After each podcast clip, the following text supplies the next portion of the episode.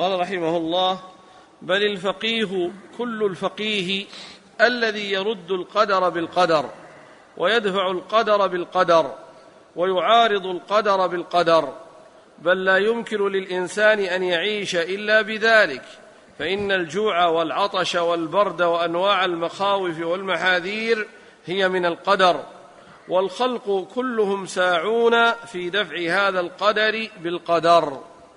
وهكذا من وفقه الله وألهمه رشده يدفع قدر العقوبة الأخروية بقدر التوبة والإيمان والأعمال الصالحة.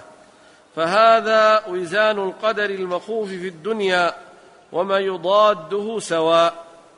فرب الدارين واحد وحكمته واحدة لا يناقض بعضها بعضا ولا يبطل بعضها بعضا.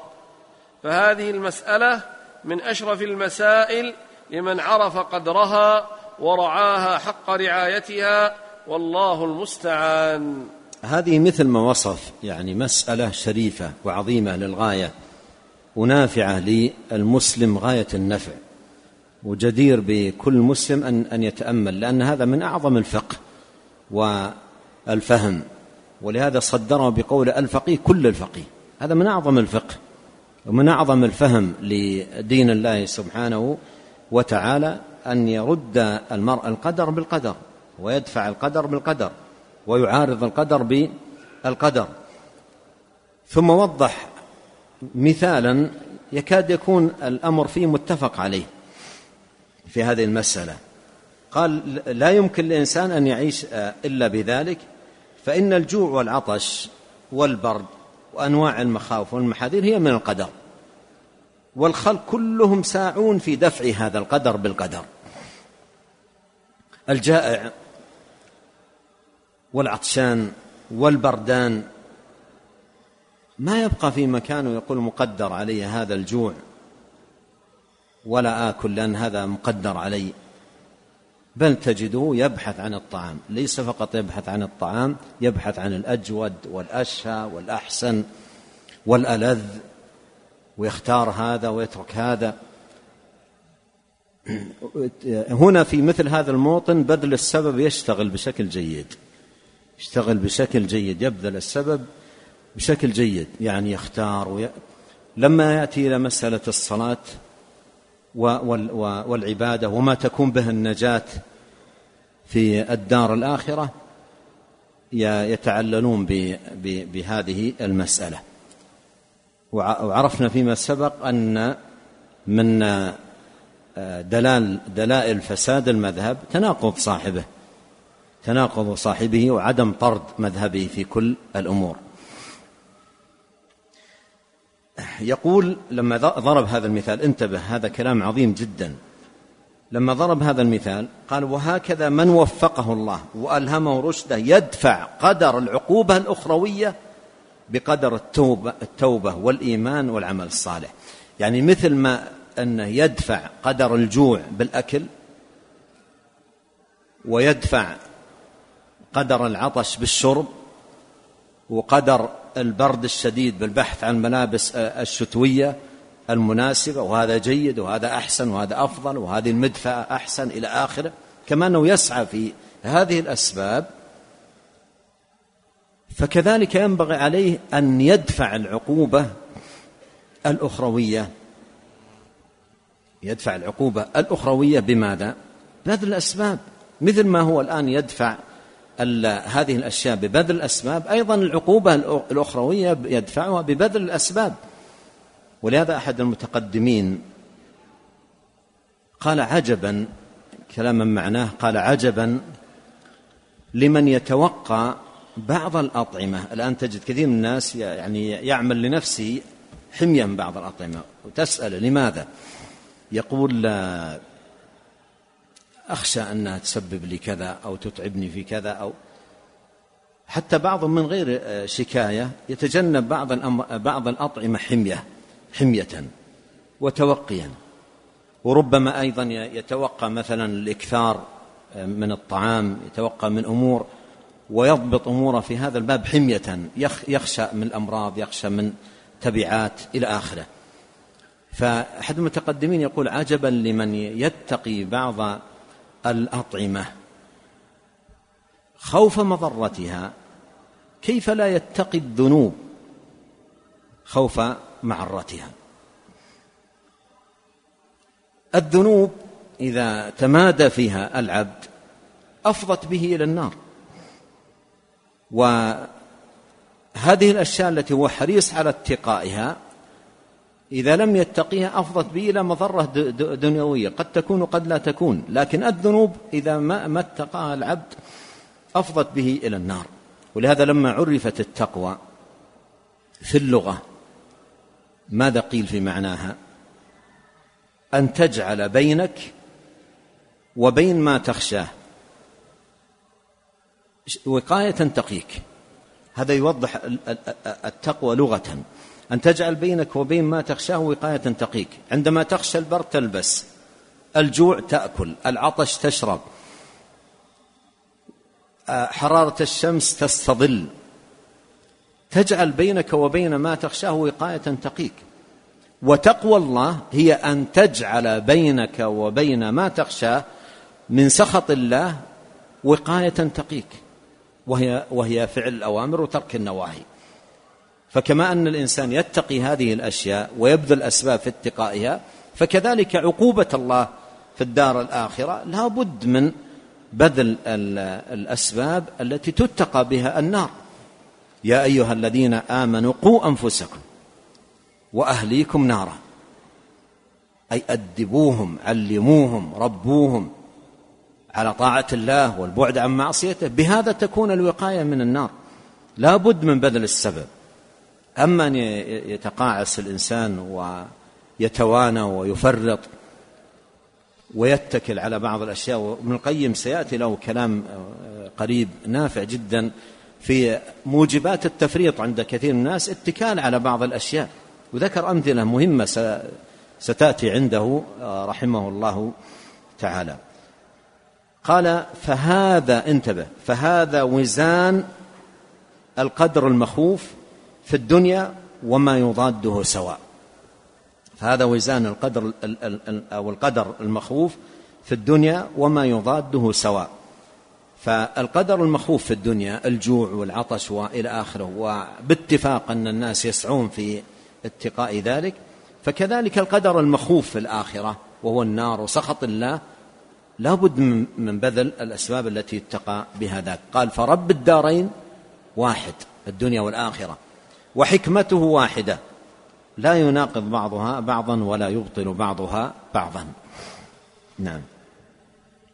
قال رحمه الله تعالى لكن يبقى عليه أمران بهما تتم سعادته وفلاحه.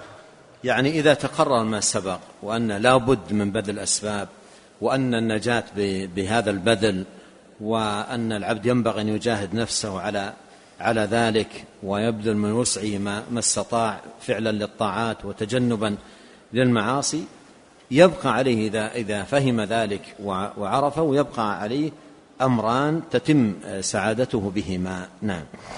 أحدهما أن يعرف تفاصيل أسباب الشر والخير وتكون له بصيرة في ذلك بما يشاهده في العالم وما جربه في نفسه وغيره وما سمعه من أخبار الأمم قديما وحديثا. يعرف تفاصيل أسباب الشر والخير لأن فعل الخير متوقف على ماذا؟ على المعرفة به. واتقاء الشر أيضا متوقف على المعرفة بالشر. ولهذا قديما قيل كيف يتقي من لا يدري ما يتقي؟ إذا إذا كان إذا كانت الأمور مترتبة على آه، الأسباب فيلزم العبد أن يعرف ويجاهد نفسه على المعرفة التفصيلية بأسباب الخير ليفعلها وأسباب الشر ليتقيها. ويكون له بصيرة في ذلك بما يشاهده في العالم. و كما قيل السعيد من اتعظ بغيره والشقي من اتعظ به غيره.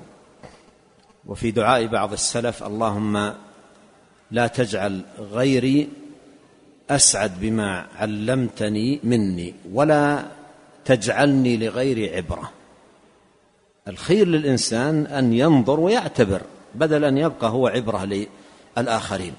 وإذا أراد الناس أن يعتبروا قيل انظروا إلى أمة كذا وانظروا إلى فلان وانظروا إلى حال كذا للاعتبار. فخير له أن يعتبر هو بدل أن يكون عبرة للآخرين. قال أن يعرف تفاصيل أسباب الشر والخير ويكون له بصيرة في ذلك بما يشاهده في العالم. وما جربه في نفسه وغيره. ما يشاهده في العالم يعني في الناس عموما من يفعل الخير ما هي العواقب ومن يفعل الشر الشر ما هي العواقب. وكما أن هذا يكون في الأفراد أيضا ينظر في في الأمم. فأما الزبد فيذهب جفاء وأما ما ينفع الناس فيمكث في الأرض. وما جربه في نفسه وغيره. تجربة آه، الإنسان هو في نفسه يستفيد منها لأن الإنسان يمر بمراحل مراحل من أعمال الخير ومراحل من أعمال الشر وينظر في آه، العواقب في هذا والعواقب في هذا حاله في هذا وحاله في في هذا. وما سمع من أخبار الأمم قديما وحديثا. نعم. قال رحمه الله تعالى ومن أنفع ما في ذلك تدبر القرآن فإنه كفيل بذلك على أكمل الوجوه وفيه أسباب الخير والشر جميعا مفصلة مبينة ثم السنة فإنها شقيقة القرآن وهي الوحي الثاني ومن صرف إليهما عنايته اكتفى بهما عن غيرهما وهما يريانك الخير والشر وأسبابهما حتى كأنك تعاين ذلك عيانا. نعم يعني من يوفقه الله سبحانه وتعالى للتدبر في القرآن والتأمل في هداياته وكذلك في سنة النبي عليه الصلاة والسلام اكتفى بهما عن غيرهما. اكتفى بهما عن غيرهما. فيه فيهما الكفاية في هداية العبد. إلى إلى أسباب الخير حثا على فعلها وبيانا للآثار العظيمة المترتبة عليها في الدنيا والآخرة وأيضا أسباب الشر وما يترتب على الشر من العواقب الوخيمة في الدنيا والآخرة. هذا مفصل في القرآن تفصيلا فيه كفاية. وفي القرآن بينت سبيل المصلحين ومآلاتهم وبينت أيضا سبيل المفسدين ومآلاتهم. وكذلك نفصل الآيات ولتستبين سبيل المجرمين أي تتضح للناس حتى يعتبروا ويرتدعوا.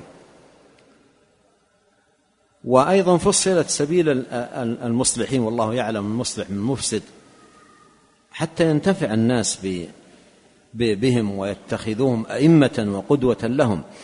فالقرآن وكذلك السنة فيهما البيان المفصل الشافي الكافي. نعم.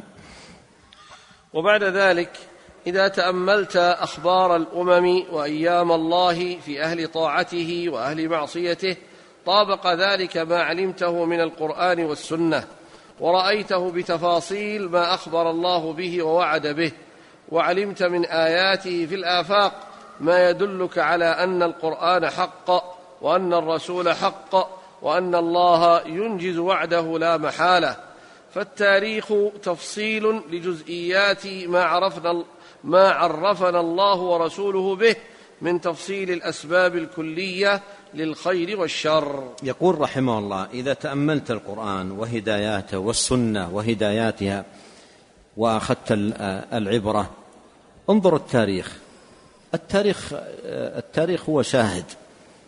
التاريخ شاهد لما تقرأه في آه، آه، القرآن عن أحوال الأمم. الأمم التي نجاها الله والأمم التي حلت بها عقوبة الله سبحانه. وللنجاة أسباب وللعقوبة أسباب.